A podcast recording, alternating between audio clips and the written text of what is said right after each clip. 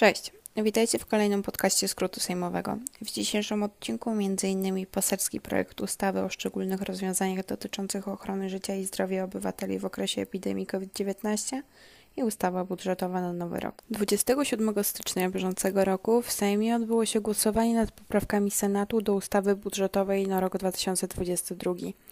Przypomnijmy, że ustawa została uchwalona podczas 45. posiedzenia Sejmu, to jest 17 grudnia ubiegłego roku. Senat uchwalił 65 poprawek. Wszystkie zostały odrzucone przez Sejm. Poprawki zaproponowane przez Senat zakładały m.in.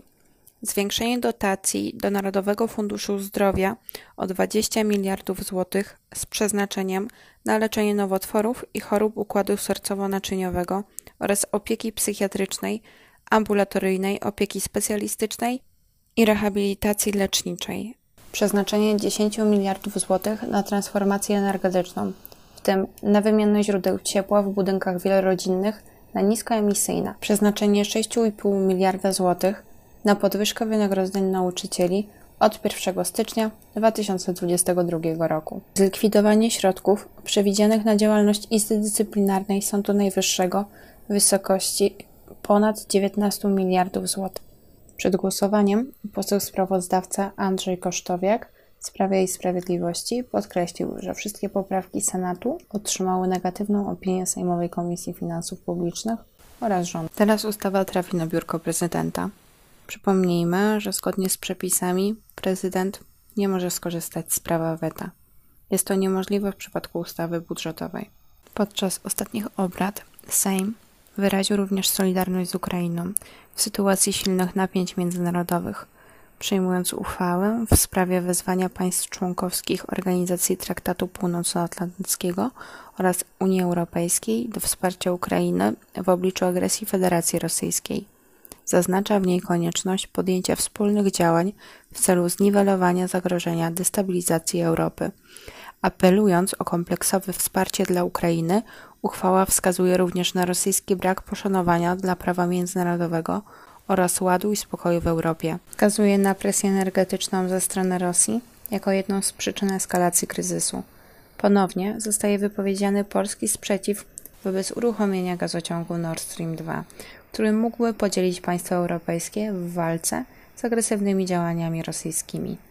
Wyraźnie zostało udzielone poparcie dla ukraińskiej akcesji do Unii Europejskiej oraz NATO. Uchwała zaznacza, że Ukraina jako państwo suwerenne, wolne i demokratyczne powinno samodzielnie decydować o swojej przyszłości. Projekt uchwały poparło 456 posłów. Przeciw był jedynie poseł Konfederacji Grzegorz Braun.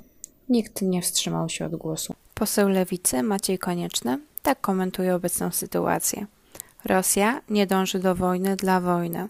Musimy o tym pamiętać. Musimy pamiętać, że pokój, którego ceną będzie pełne podporządkowanie Ukrainy Rosjanom, pokój, który podpisuje Europa z Kremlem ponad głowami Ukraińców, sprzedając ich realnie Federacji Rosyjskiej, to nie jest pokój, który jesteśmy w stanie zaakceptować. Musimy zrobić wszystko, żeby uniknąć wojny. Musimy zrobić wszystko, aby uniknąć zwycięstwa mocarstwowej polityki Rosji. Musimy zapewnić i utrzymać niepodległość i niezależność Ukrainy i prawo do samostanowienia narodu ukraińskiego. Robert Nicki, poseł Konfederacji, wskazał: Nikt nie będzie umierał za Ukrainę, nikt nie będzie umierał za Polskę, a inwazja rosyjska na Ukrainę, czy w ogóle na Europę Środkową, jest możliwa innymi dlatego właśnie, że są Nord Streamy, dlatego, że nie zablokuje to przesyłu gazu i to jest jasne i oczywiste. Tutaj mamy absolutny deal struktur zachodnich, panie pośle, z Federacją Rosyjską. Wniosek dla Polski jest jeden. Bardzo prosty, bardzo konkretny. Chcesz mieć pokój? Szykuj się na wojnę. Szybka, radykalna reforma armii, zwiększenie siły bojowej polskiej armii to jest wyjście. To jest jedyny pewny gwarant polskiego bezpieczeństwa. Paweł Zalewski z Polski 2050. Ta walka nie toczy się wyłącznie na Ukrainie. Ona toczy się w całej Europie. Ona w Europie nie ma charakteru zbrojnego jak na Ukrainie, czy też nie ma groźby wielkiego konfliktu. To jest walka przy urnie wyborczej. Ale niezależnie od tego, czy z autokratami, agentami Kremla w Europie walczymy przy urnie wyborczej, czy Ukraińcy walczą w Donbasie, ale też przygotowują się być może do poważnej wojny, To jest dokładnie ta sama walka. I dlatego powinniśmy Ukraińcom, naszym braciom pomóc. Ostatnim już omawianym w tym odcinku projektem jest poselski projekt ustawy o szczególnych rozwiązaniach dotyczących ochrony życia i zdrowia obywateli w okresie epidemii COVID-19. Jest to projekt, który w ostatnim czasie budził wiele kontrowersji. Mimo iż oficjalnym autorem ustawy jest poseł PiSu Paweł Rychlik, panuje powszechne przekonanie, iż założenia były inspirowane przez samego prezesa partii. Stąd publicznie ustawa nazywana jest Lex Kaczyński. Ustawa, która miała m.in. wprowadzać możliwość ubiegania się pracowników o odszkodowania za zakażenie koronawirusem w miejscu pracy, została odrzucona przez Sejm. Kontrowersyjna część ustawy mówi o tym, iż osoba, która się nie przetestuje, będzie mogła zostać uznana za winną zakażenia współpracownika. Kolejnym krokiem może być wystąpienie wobec tej osoby o odszkodowanie w wysokości pięciokrotnego minimalnego wynagrodzenia, czyli około 15 tysięcy złotych. Projekt nic nie mówi o tym, w jaki sposób można byłoby dokładnie rozpoznać ścieżkę zakażenia. Postępowanie w sprawie miałoby być prowadzone przez wojewodę.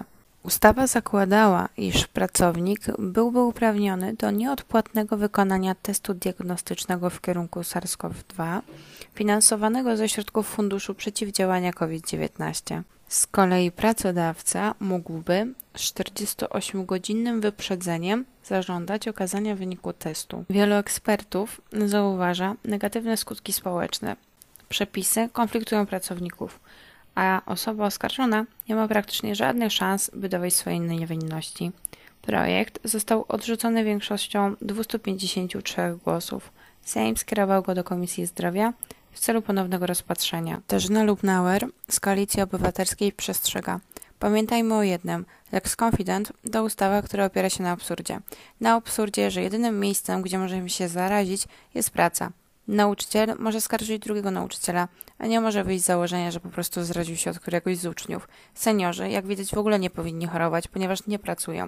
W związku z czym to nie jest prawdopodobne, że zarazili się w kościele, sklepie czy od wnuka. Ten projekt jest absurdem i fakt, że wprowadził go osobiście Jarosław Kaczyński, świadczy o jego całkowitym oderwaniu od rzeczywistości. Marek Rutka z Lewicy kpi z propozycji. Lex Confident, czy też jak to woli donosiciel plus, bo wedle tego projektu warto donosić na kolegów, bo wedle tego projektu warto donosić na koleżanki, bo to się może po prostu opłacić.